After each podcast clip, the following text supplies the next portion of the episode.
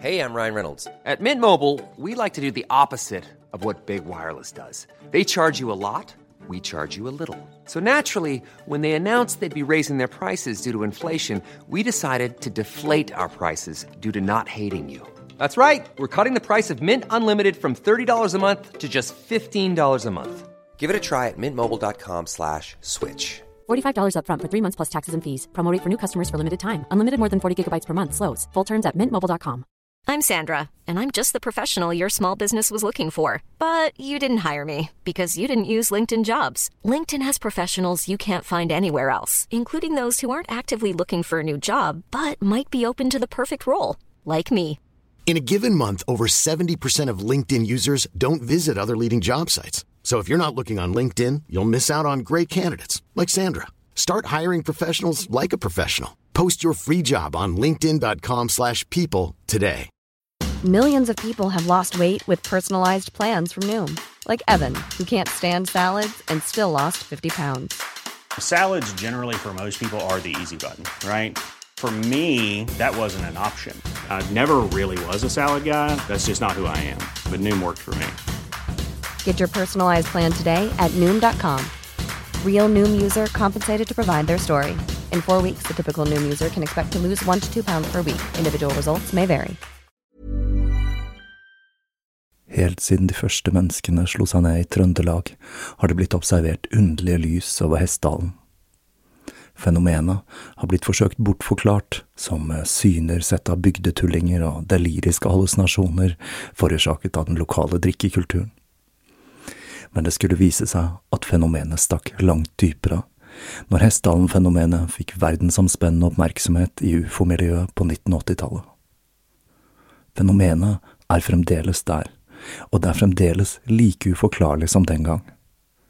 I 2024 kommer en podkastserie i seks deler, produsert av Project Hessdalen, som kanskje en gang for alle skal finne svar på hva som rører seg på himmelen i denne bortgjemte dalen i Trøndelag. Serien har som seg hør og bør fått tittelen A Blaze in the Northern Sky, og den kommer til din favorittpodkastavspiller i 2024.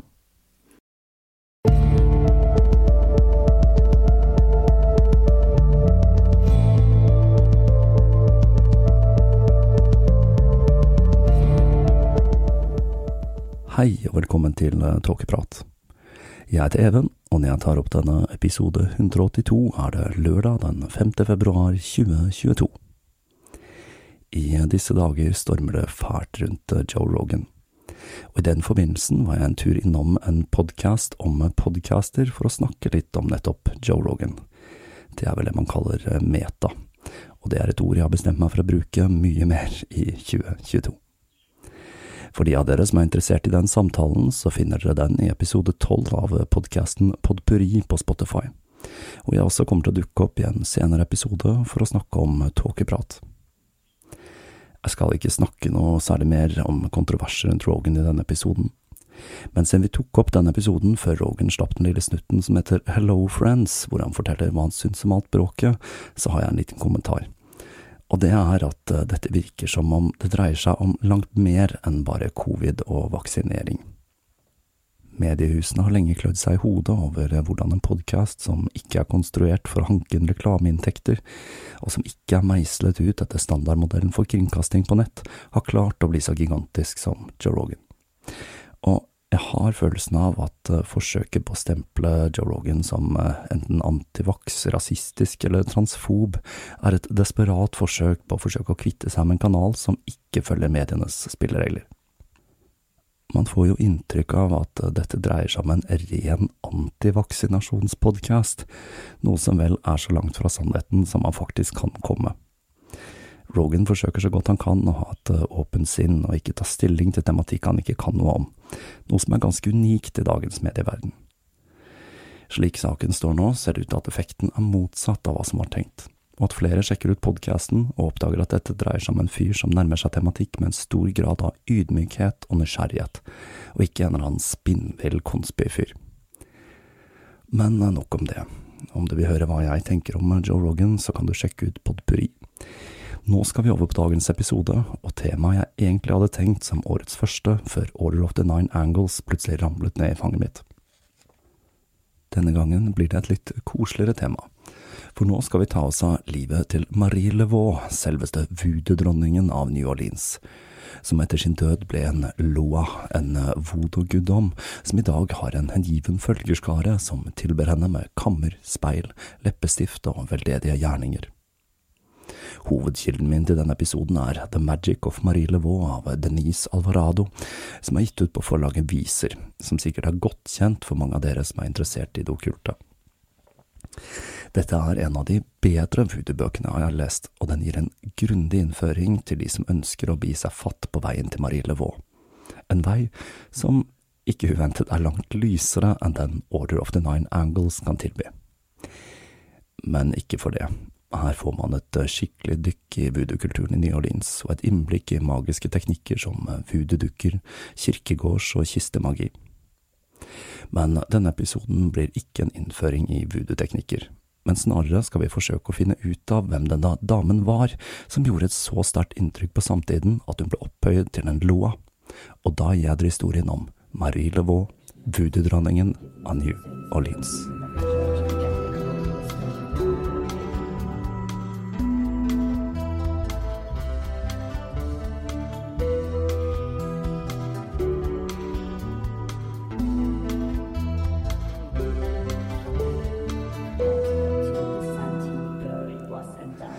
Historien om Marie starter selvsagt med slavehandel.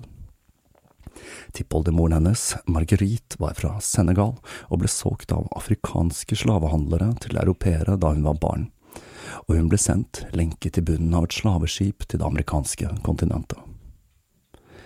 Man vet ikke så mye om livet til Marguerite, men hun og datteren Katrin står registrert som eiendommen til en kreol ved navn Henry Rouge i 1756. Faren til Katrin står registrert som Jean Belair, en svart mann. Katrin vokste opp i husholdningen til Henry Rouge, og det antas at det er han som er faren til barna hun fødte. Det var nemlig vanlig at slaveeiere voldtok de kvinnelige slavene, siden disse ble sett på som eiendeler. På denne tiden hadde man en forestilling om at afrikanske kvinner var hyperseksuelle, i motsetning til idealet til de hvite kvinnene som ble sett på som rene og kyske, så da var det altså bare å ta for seg. Det finnes eksempler der afrikanske slaver innledet forhold til slaveeiere frivillig i håp om at barna som resulterte av disse forholdene, kunne leve et liv i frihet, noe de sjelden endte opp med å få. Men for det aller meste så dreide dette seg altså om voldtekter, som ofte ble brukt systematisk som et maktmiddel av slaveeierne. Når Katrin var 13 år, fødte hun ei jente hun ga navnet Margrit og i likhet med de andre barna hun fikk, så ble hun solgt til en annen slaveeier.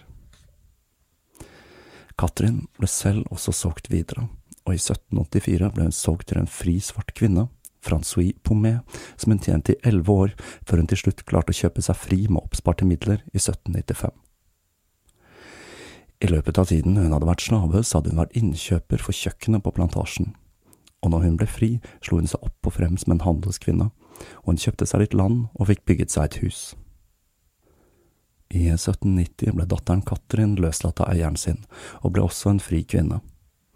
Og like etter fikk hun flere barn med en franskmann ved navn Henry d'Arcantel, men han var ikke faren til Marie. Hun var resultatet av en kort affære med en businessmann ved navn Charles Levaux. Han var en svartfri mann som hadde gjort det svært godt i eiendomsbransjen, og ikke minst i slavehandel. Seks dager etter fødselen ble Marie dømt i St. Louis-katedralen i New Orleans av en prest som skulle spille en sentral del i livet hennes. Fødselsattesten, hvor hun blir beskrevet som en frimulatt, datteren av Margarita med en ukjent far, ble oppdaget i arkivene til erkediakonen i New Orleans i 2001. Det at vi har fødselsattesten hennes, punkterer en del gamle myter om Marie Levaux, som at hun ble over 100 år, og ikke minst at hun ble født på Haiti. Men det er fremdeles mye vi ikke vet om oppveksten til Marie. Man regner med at hun vokste opp i huset til Katrin, og man vet at hun giftet seg den 4. august 1819, når hun var 17, med en fri svart snekker som het Jacques Paris fra St. Domingo. Ifølge legenden fikk hun et hus av faren samt gulløreringene hun senere skulle bli så kjent for i bryllupsgave. Jeg må si jeg er litt usikker på om det finnes et eh, godt norsk ord for hoop earrings, men med et kjapt søk på nett så ser jeg at norske gullsmeder bruker betegnelsen hoop på norsk også, så da går jeg for det. Uansett, de to skulle få to barn. Det ene ble født i 1817, når Marie kun var 16 år og to år før de giftet seg, og det andre i 1822. Hva som skjedde med disse to døtrene, er ikke kjent, og her må det skytes inn at barnedødeligheten var ganske høy på denne tiden, og det kan jo tenkes at disse to ikke vokste opp til voksen alder i det hele tatt. Jacques Paris forsvant i 1824, og man antar at han døde, men man er litt usikker på hvordan. En historie forteller oss at han ble tapt på havet, men uansett hvordan det foregikk, så blir Marie omtalt som Lavaux Paris, eller enken Paris, etter 1824. Historien går slik at eh, Marie ble frisør etter ektemannens død, og at hun livnærte seg ved å frisere håret til rike, hvite kvinner, og det er slik hun skulle ha lært seg hemmelighetene til eliten. Mange av klientene hennes delte ville nyheter om de nyeste skandalene med frisøren sin, og Marie la seg all denne informasjonen på sinne slik at hun kunne bruke den ved en senere anledning. Hun skulle også ha betalt fattige svarte tjenestepiker for informasjonen om besøkte klienteller sitt, slik at hun visste hvem som var utro med hvem, og ting som hvem som var barnets egentlige far. Hun hadde rett og slett nøklene til skapet med alle skjelettene til fiffen, og hun skulle hatt en utrolig evne til å få innpass i alle sosiale lag. Det er derfor man bruker ting som kammer, speil og sminke som offergaver i ritualer til Marie Laveau og det er også grunnen til at enkelte tror at man må brenne håret etter man har klippet det, slik at det ikke skal falle i gale hender. Et år etter Paris forsvant, inngikk hun et plassasjeforhold med en velstående hvit mann med et veldig, veldig langt navn. Nå skal jeg forsøke meg her, og det er Louis Christophe Dominique Domini de Glapion. Det var mannen med et navn som nesten høres ut som en Monty Python-sketsj der, altså. Plassage var et system som var utbredt i de franske og spanske slavekoloniene, der etniske hvite europeere kunne gå inn i et forhold med slaver eller frie fargede kvinner. Kvinnene ble ikke ansett som gift, men blant frie fargede ble dette omtalt som et venstrehåndsekteskap. Sammen fikk Marie og Christophe sju barn mellom 1827 og 38, men kun to av dem, Eloise og Marie Filomene, overlevde til voksen alder. Som sagt så var barnedødeligheten høy. Marie Filomene skal visstnok ha blitt sin mors etterfølger under navnet Marie Levaux den andre. En ting som ikke er så kjent i historien om Marie Levaux, er at hun og mannen selv eide slaver. Den transatlantiske slavehandelen tok slutt i 1808, men det var fremdeles et skrikende behov etter arbeidskraft i plantasjene, og New Orleans var et knutepunkt i denne menneskehandelen, der man kjøpte slaver fra andre steder i sørstatene. Vi vet ikke hvordan Marie behandlet slavene sine, da det ikke finnes noen kilder som forteller om dette. Men akkurat mangelen på kilder kan i dette tilfellet tyde på at hun behandlet dem bra. For om hun hadde vært brutal, så hadde nok dette blitt bevart i mytologien som omgir henne. Det er ingenting som tyder på at hun holdt slaver før hun ble sammen med Christophe, som var fransk, og franskmennene de omfavnet slavehold som en del av sin kultur. De sammen kjøpte og solgte de totalt åtte slaver, og den siste den solgte de i 1854. Slaveholdet i New Orleans var underlagt det såkalte Louisiana Black Code-kodekset, som var et lovverk som skulle forhindre at slavene gjorde opprør ved å gjøre forholdene litt mer levelige for dem. Slaveeierne måtte døpe slavene sine, og de måtte gi dem søndagen fri slik at de kunne gå i kirken. De fikk ikke lov til å gifte seg, og det var ikke lov å separere familier. Og som vi lærte i episoden om Santeria, så var det en praksis det å ikke skille familiene, altså. En som gjorde at tradisjonene fra hjemlandet ble ivaretatt i skjul, og disse skulle etter hvert blande seg med den katolske troen. I tillegg var det ikke lov å drepe eller skade slavene sine på en slik måte at de ble arbeidsudyktige. Dette var jo litt av en HMS-kodeks, da. Selv om dette var bedre enn i de britiske og nederlandske koloniene, så var det ting i dette kodekset som gjorde ting verre også. Det skilte blant annet mellom hudfarge, slik at jo mørkere man var, desto lenger ned på rangstigen var man, og det førte til en splittelse mellom ulike grupperinger. Men til tross for at slavene skulle være beskyttet av dette kodekset, så var det ikke alltid plantasjeeierne fulgte dette. I 1811 var Louisiana vitne til det største slaveopprøret i amerikansk historie. Et sted mellom 200 til 500 slaver marsjerte fra plantasjene sine mot New Orleans, og på veien dit brente de ned fem plantasjer i tillegg til å drepe to hvite. Opprøret endte med at mer enn 100 slaver ble halshugget, og hodene deres ble satt på staker og stilt ut til skrekk og advarsel.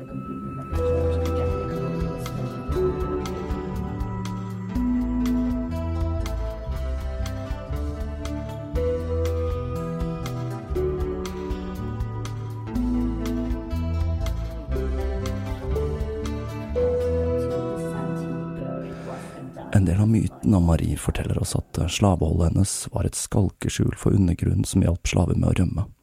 Og en del av historien om Marie forteller oss om hvordan hun brukte voodoo og lagde amuletter til flyktningene for å sørge for trygg passasje med beskyttelsen til voodoo-gudene. Det er ting som tyder på at dette kan ha vært tilfellet. For det første så eide hun altså ikke slaver før hun møtte Kristoff, og hun kjøpte heller ikke slaver etter han døde i 1855. Og så finner vi et hint fra en mann Charles Raphael, som var et øyevitne til alteret til Marie Laveau. Han forteller nemlig at man i tillegg til diverse amuletter fant statuer av Sankt Peter og Sankt Maroon. Skjulestedene som ble brukt til å smugle ut befridde slaver, var ofte merket med symboler som indikerte at de var trygt der, og Sankt Maroon er ingen ringere enn skytshelgenen til rømte slaver. Sankt Maroon var en av Marie Laveau sine mest populære helgener og i New Orleans voodoo refererer denne helgenen til Jean Saint-Malo, som var lederen for en gruppe små kolonier som besto av rømte slaver i sumpene rundt New Orleans. Han ble sagt å ha begravet hakken sin i utkanten av sumpen, mens han sverget nåde den hvite mann som krysser denne grensen. Til slutt ble han arrestert og henrettet utenfor St. Louis-katedralen, og liket hans ble hengt opp der til skrekk og advarsel. Og det ble sagt at følgerne hans tok rester fra liket som ble brukt i voodoo senere. Ikke lenge etter hans død ble han gjort til en helgen, selv om dette nok ikke var en offisiell kanonisering fra den katolske kirken. Men han ble en svært viktig figur i voodoo, en helgen ingen av de hvite visste om. I dag er han en mer obskur helgen, som blir brukt mest i de innerste sirklene i voodoo, og helligdagen hans, det er den 19. juni. Dette er altså en annen helgen enn Sankt Maron, som var en syrisk munk fra det fjerde århundret, for de av dere som lurte på det. Selve ordet maroon er et som refererer til rømt kveg, og det er også en betegnelse på slaver som rømte fra fangenskap og dannet frie kolonier, gjerne sammen med amerikansk urfolk. Som vi husker fra Santeria-episoden, så begynte man å koble katolske helgener med afrikanske guddommer slik at det fikk dobbelt betydning. For eksempel så kan Sankt Peter, som holder nøkkelen til himmelen, sidestilles med Papa Legba, vokteren på terskelen til åndeverdenen i voodoo. Nøkkelen kan selvsagt også symbolisere frihet, og paret med St. Maroon, en svart helgen, så er symbolikken ganske tydelig. Det er jo også litt artig at eh, St. Maroon på en måte legemliggjør denne sammensmeltingen ved å være en ren voodoo-helgen som ikke er basert på en afrikansk guddom. Barndomshjemmet til Marie i 152 St. Anne Street var hjemmet hennes fram til hennes død i 1881. Dette var det samme huset bestemoren hennes Marguerite hadde bygget. Det dreide seg om en enetasjes bygning med fire uthus hun gjerne lånte ut til folk i nød. Selv om huset ikke står der lenger i dag, så gir beskrivelser av det oss noen hint om praksisen hennes. Ikke minst er det knyttet en rekke legender til det. En historie forteller oss at Marie fikk huset etter den velstående faren til en ung mann som var i trøbbel, oppsøkte henne for å få hjelp. Marie tok på seg oppgaven med å få mannen frifunnet i retten, og etter å ha bedt foran alteret St. Louis-katedralen i flere timer, med tre Guinea-pepper i munnen, snek hun seg inn i rettslokalet og la de tre frøene under stolen til dommeren, hvorpå gutten ble frifunnet. Fornøyd med utfallet ga faren til gutten henne huset i St. Anne Street som belønning. Og selv om akkurat denne historien ikke stemmer helt overens med de There's never been a faster or easier way to start your weight loss journey than with PlushCare. PlushCare accepts most insurance plans and gives you online access to board-certified physicians who can prescribe FDA-approved weight loss medications like Wigovi and Zepbound for those who qualify. Take charge of your health and speak with a board-certified physician about a weight loss plan that's right for you. Get started today at plushcare.com slash weight loss. That's plushcare.com slash weight loss. plushcare.com slash weight loss. I'm Sandra, and I'm just the professional your small business was looking for. But you didn't hire me because you didn't use LinkedIn jobs. LinkedIn has professionals you can't find anywhere else, including those who aren't actively looking for a new job but might be open to the perfect role, like me. In a given month, over 70% of LinkedIn users don't visit other leading job sites. So if you're not looking on LinkedIn, you'll miss out on great candidates like Sandra. Start hiring professionals like a professional. Post your free job on linkedin.com/people slash people today. historiske faktaene, så var Marie involvert i en rekke rettssaker hvor hun hjalp til, om hun følte at klienten hadde retten på sin side. Guinea-pepper, eller paradisfrø, kommer fra en plante i ingefærfamilien og er nært beslektet med kardemomme. Frøene har blitt brukt som peppererstatning, men de har også en tradisjon som folkemedisin i Vest-Afrika, og i Nigeria ble de brukt i spådomskunst, spesielt i skyldspørsmål, og de ble senere introdusert i Karibien og er i dag en del av ulike kreolske religioner, som voodoo. Åtte år før hun døde, trykket avisen The New Orleans Republican en beskrivelse av hjemmet hennes, og denne beskrivelsen har gått i arv i den muntlige tradisjonen. Huset var utstyrt med flere alter, og et privat rom for større ritual, og det ble også snakket om at det var flere hemmelige rom i huset. Det er ikke uvanlig at utøvere av voodoo har flere altre, og at det er de mest presentable som er synlige i vanlige oppholdsrom, siden hovedalteret gjerne kan ha litt voldsomme elementer som deler av dyr eller lignende. I tillegg er denne adskillelsen ment å beskytte arbeidsalteret mot negative innflytelser. I New Orleans Republican kunne man lese. Ved første øyekast vil dette øde, avsidesliggende bostedet gi besøkende frysninger i overtroisk forbauselse. Det overnaturlige ser ut til å ha preget det hele med et uutslettelig inntrykk. Rommet er spartansk møblert, noen få stoler, et gammelt bord, en mugge med vann og noen bilder på veggen er det hele. Et gardin skjuler en døråpning som fører til et annet rom, men ingen får gå inn dit. Dette rommet er hellig, og de som er overtroiske, tror at det er bosatt av onde ånder. Selv om huset ble revet i 1903 og det er bygget et nytt hus på eiendommen, tror enkelte at energien fra Marie Laveau fremdeles henger fast i den. Og historier om hvordan Marie til stadighet ble observert i en lang, hvit kjole og med sitt signatur hvite hodetørkle med syv knuter, florerer på omvisninger i Amerikas voodoo-hovedstad. Dette hodetørkleet det er snakk om, er et tignon, og det er et hvitt tørkle det ble påbudt å bruke for kvinner med afrikansk avstamning i koloniene. Og grunnen til dette var at de kreolske kvinnene begynte å bli så lyse i huden at man var redd for at de kunne blande seg med hvite, og på den måten klatre til steder i det sosiale hierarkiet som ikke var passende. Og her må jeg skyte inn en ting som har plaget meg lenge. I USA så bruker man betegnelsen svart om personer som har enten en afrikansk far eller en afrikansk mor, selv om mor eller far er hvit. Det er som om den svarte siden på en måte smitter den hvite delen av personen, og dette er, i hvert fall i mitt hode, rasisme. Det er det som er så merkelig med USA. De har den historien de har, og de er ekstremt opptatt av å være politisk korrekte, men like fullt så bruker de utdaterte betegnelser som rase, og du er altså svart selv om du bare er en bitte liten prosentandel afrikansk. Her er jo Barack Obama et fint eksempel. Han blir hyllet som den første svarte presidenten, men han hadde da virkelig en amerikansk mor og en far fra Kenya. Forstå det den som vil. For meg så er dette noe som iallfall høres ut som et gufs fra tiden da kvinner måtte ikle seg en tignon for å vise at de egentlig var svarte, selv om de ikke så sånn ut. Vel, vel, nok om det. Marie, hun var altså døpt, og hun hadde et svært godt forhold til kirken, og spesielt fader Per Antoin, som var makkeren hennes når hun drev med veldedighetsarbeid. For det var nettopp dette arbeidet som gjorde at Marie fikk den statusen hun etter hvert skulle få, og som gjør at hun fremdeles blir husket med stor respekt i New Orleans. Marie pleiet de syke under utbrudd av kolera og gul feber. Hun ga fattige mat og husly, bidro økonomisk til utdannelsen til fattige barn, betalte kausjon for fattige svarte kvinner som var fengslet for småkriminalitet, og hun adopterte til og med en liten gutt. På toppen av det hele så tilbød hun gravplassen sin til fattige som ikke hadde råd til egen gravplass, og i dag er det begravet hele 84 mennesker der, hvorav kun 25 personer er fra Maries egen familie. Per Antonin var presten som både døpte og giftet Marie, og de to hadde et svært nært spirituelt forhold fram til hans død. Så nært at Antonin lot Marie få utøve voodoo-ritualer i hagen bak kirken. I bytte mot dette lovte Marie at hun skulle få de som var med på ritualene til å delta i gudstjenester. Og på den måten skiller Marie seg fra en del andre voodoo-personligheter som tok avstand fra kirken. Marie Levaux blir ofte sagt å ha forlatt voodoo til fordel for den katolske tro i alderdommen, men dette er nok mer en historie som har oppstått blant kristne som syns hele voodoo-greia er litt for mye, og som ikke vil vedkjenne seg at en stor del av voodoo-religionen dreier seg om nettopp helbredelser og velsignelser, og ikke bare ville ritualer med blodoffer og mystiske guder i sumpene.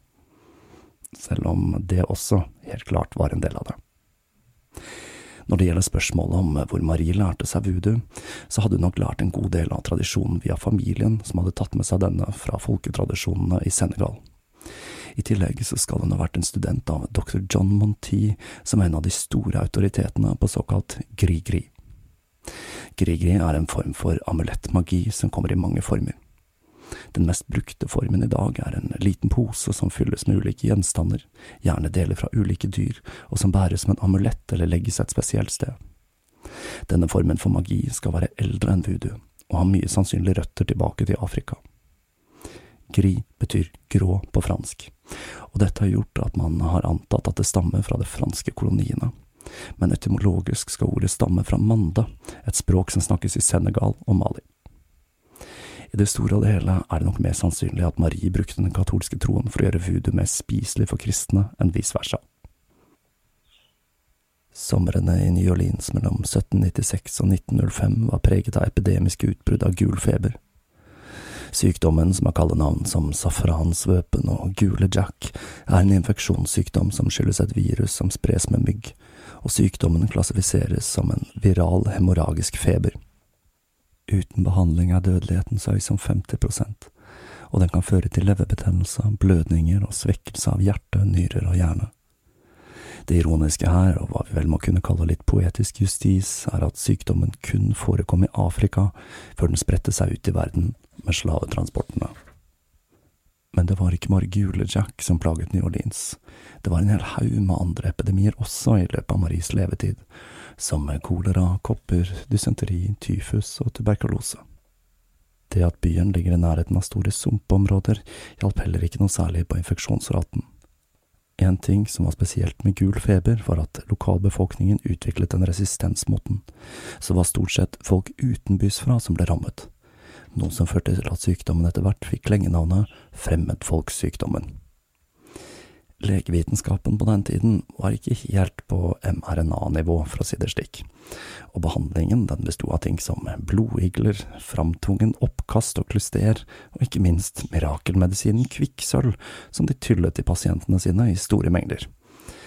På sett og vis så kan man jo si at legestanden på den tiden i seg selv kunne regnes som en sykdom, og det var kanskje ikke så rart at helbredingsmetodene til Marie Laveau hadde langt større suksess og var å foretrekke framfor å ta sjansen på en tur til fastlegen. Hun benyttet seg av ting som urtemedisin, sunn kost, bad, massasje og bønn, og det høres unektelig mye triveligere ut enn blodigler og klyster. En urt hun brukte mye, var jernurt, en plante som etter hvert fant veien til allmennmedisinen, men da ble den selvsagt administrert i form av et klyster. Marie Levaux arbeid med de som var rammet av gul feber, var viden kjent, og hun skal egenhendig ha reddet flere hundre mennesker fra den sikre død med innsatsen sin.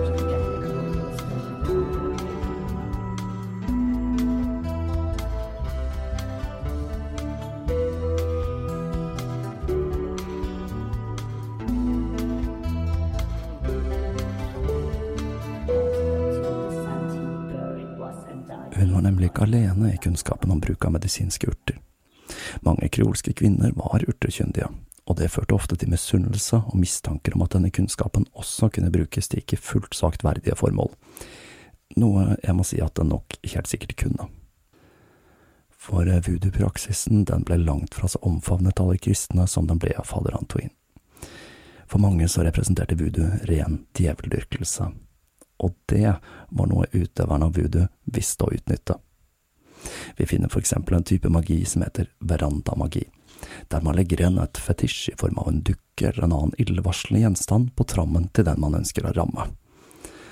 Og det er jo ikke så vanskelig å tenke seg at den psykologiske effekten av å finne dyreorganer og andre skumle gjenstander på trammen i dypet av voodoo-land ville gjøre noen og enhver nervøse. Det var i begynnelsen av ekteskapet med Kristoff at hun begynte å få et rykte som en som kunne påvirke rettssaker med Grigrien sin. Når hun valgte å ta til seg en klient, så gikk det alltid i klientens favør i rettssaken de var involvert i. Men her kan det jo tenkes at det ikke bare var magien hennes som gjorde utslaget, men også det at hun hadde inngående kjennskap til dommerens privatliv som en følge av frisørjobben sin. Det var en annen del av rettsvesenet Marie skulle ha vært involvert i, og det var som besøksvenn og en spirituell veileder for mennesker som var dømt til døden. Hun oppsøkte fanger som var fratatt alt og kun hadde døden å se fram mot, og ga dem et siste lys i livet ved å sette opp alter i cellen deres og ved å be sammen med dem, og i noen tilfeller fikk hun også dødsdommene omgjort.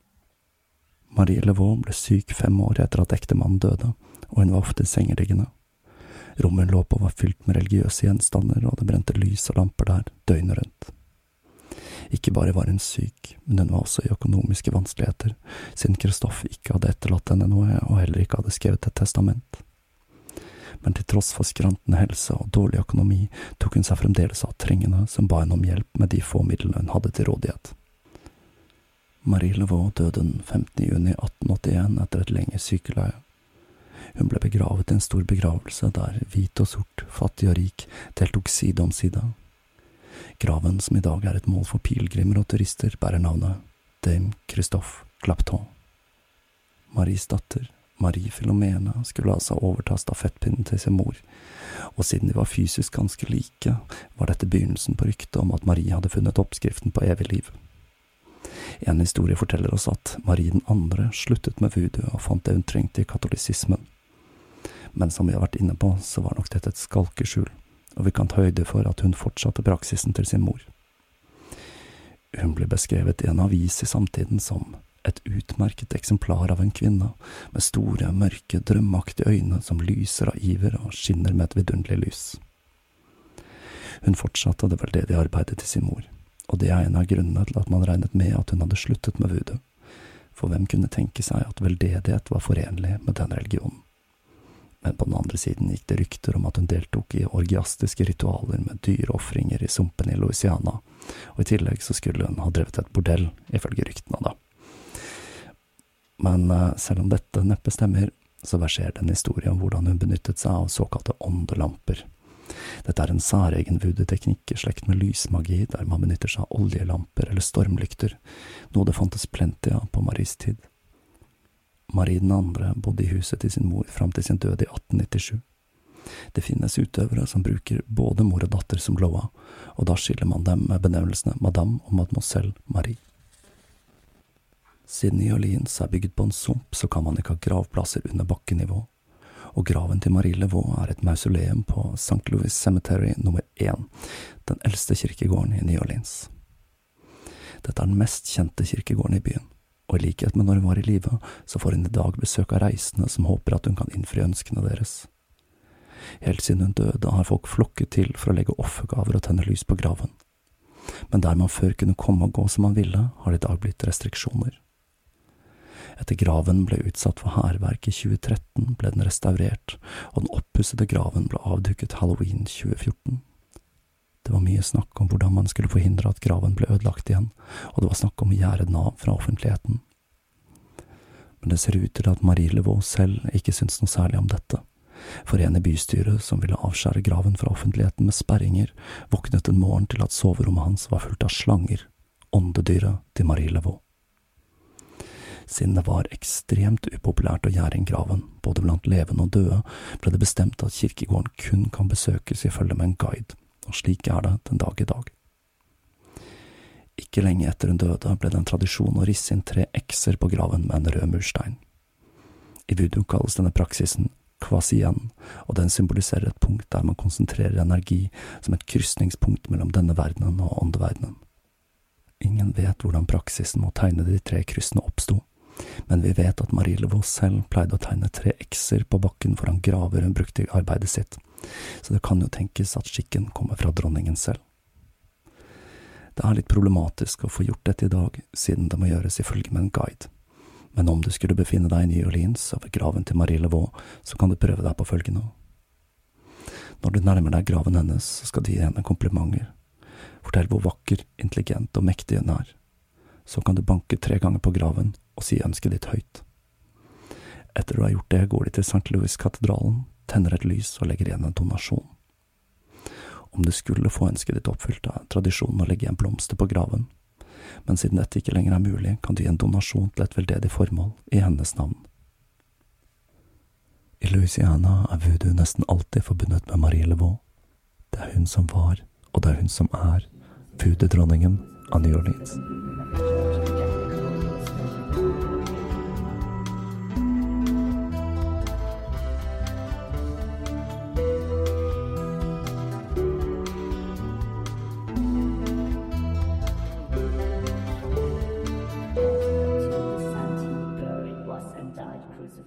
Og der gir vi oss for denne gang. For de som er interessert i et dypere dykk i voodoo-praksis, så kan man gjøre det dårligere enn å starte med arbeidet til Denise Alvarado, som ikke bare er en dyktig forfatter, men selv er en utøver av voodoo, med dype røtter i den kreolske kulturen. I denne episoden har jeg valgt å fokusere på den lysere siden av Marie Levaux. Men det er klart at det finnes en rekke mørkere aspekter ved voodoo-praksisen hennes. For eksempel så involverer mye av magien hennes å benytte seg av åndene til døde på kirkegårder, og vi finner også plenty med skademagi eller svart magi. Men det er en vei man skal gå med varsomhet, for dersom man bestemmer seg for å gå den, så vil Marie Laveau alltid kikke deg over skulderen, og det verserer en rekke historier om hvordan det går med dem som ikke viser henne tilstrekkelig med respekt. For min del så syns jeg det var stas med en litt lettere og lysere episode etter de to om Order of the Nine Angles. Men nå gjør jeg meg klar til å dykke ned i det dypeste mørket igjen, og jeg planlegger en serie som nok blir en av de verre jeg har laget her i Tåkeprat. Her blir det bakteriologiske eksperimenter og klinisk, systematisk tortur av krigsfanger som skal under lupen, så nå er det bare å glede seg. Fram til det dykket ned i skyggenes verden vil jeg som vanlig takke alle patrions, alle som har vipset, alle som har handlet i nettbutikken, og deg som hører på. Nylig la jeg merke til at det nå er mulig å gi en rating av podcaster i Spotify, og jeg vil takke alle dere som har gjort dette, og oppfordre alle som bruker Spotify til å gi Tåkeprat en solid femstjerners rating for å vise at dette er en podkast som skiller seg ut fra den gemene hop. I mellomtiden får dere sende en tanke til Marie Levaux, og kanskje til og med gi en donasjon i hennes navn. Hvem vet, kanskje Marie gir deg en hjelpende hånd om hun føler at du fortjener det. På gjenhør.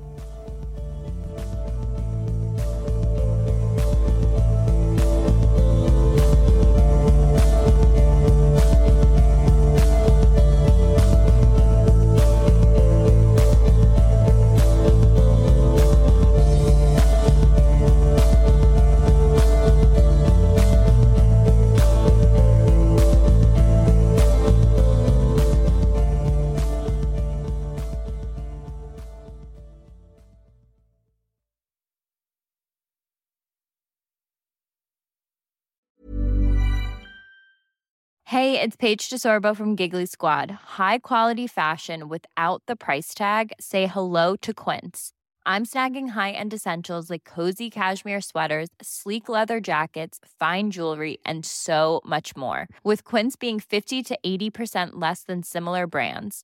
And they partner with factories that prioritize safe, ethical, and responsible manufacturing. I love that. Luxury quality within reach. Go to quince.com slash style to get free shipping and 365 day returns on your next order. Quince.com slash style.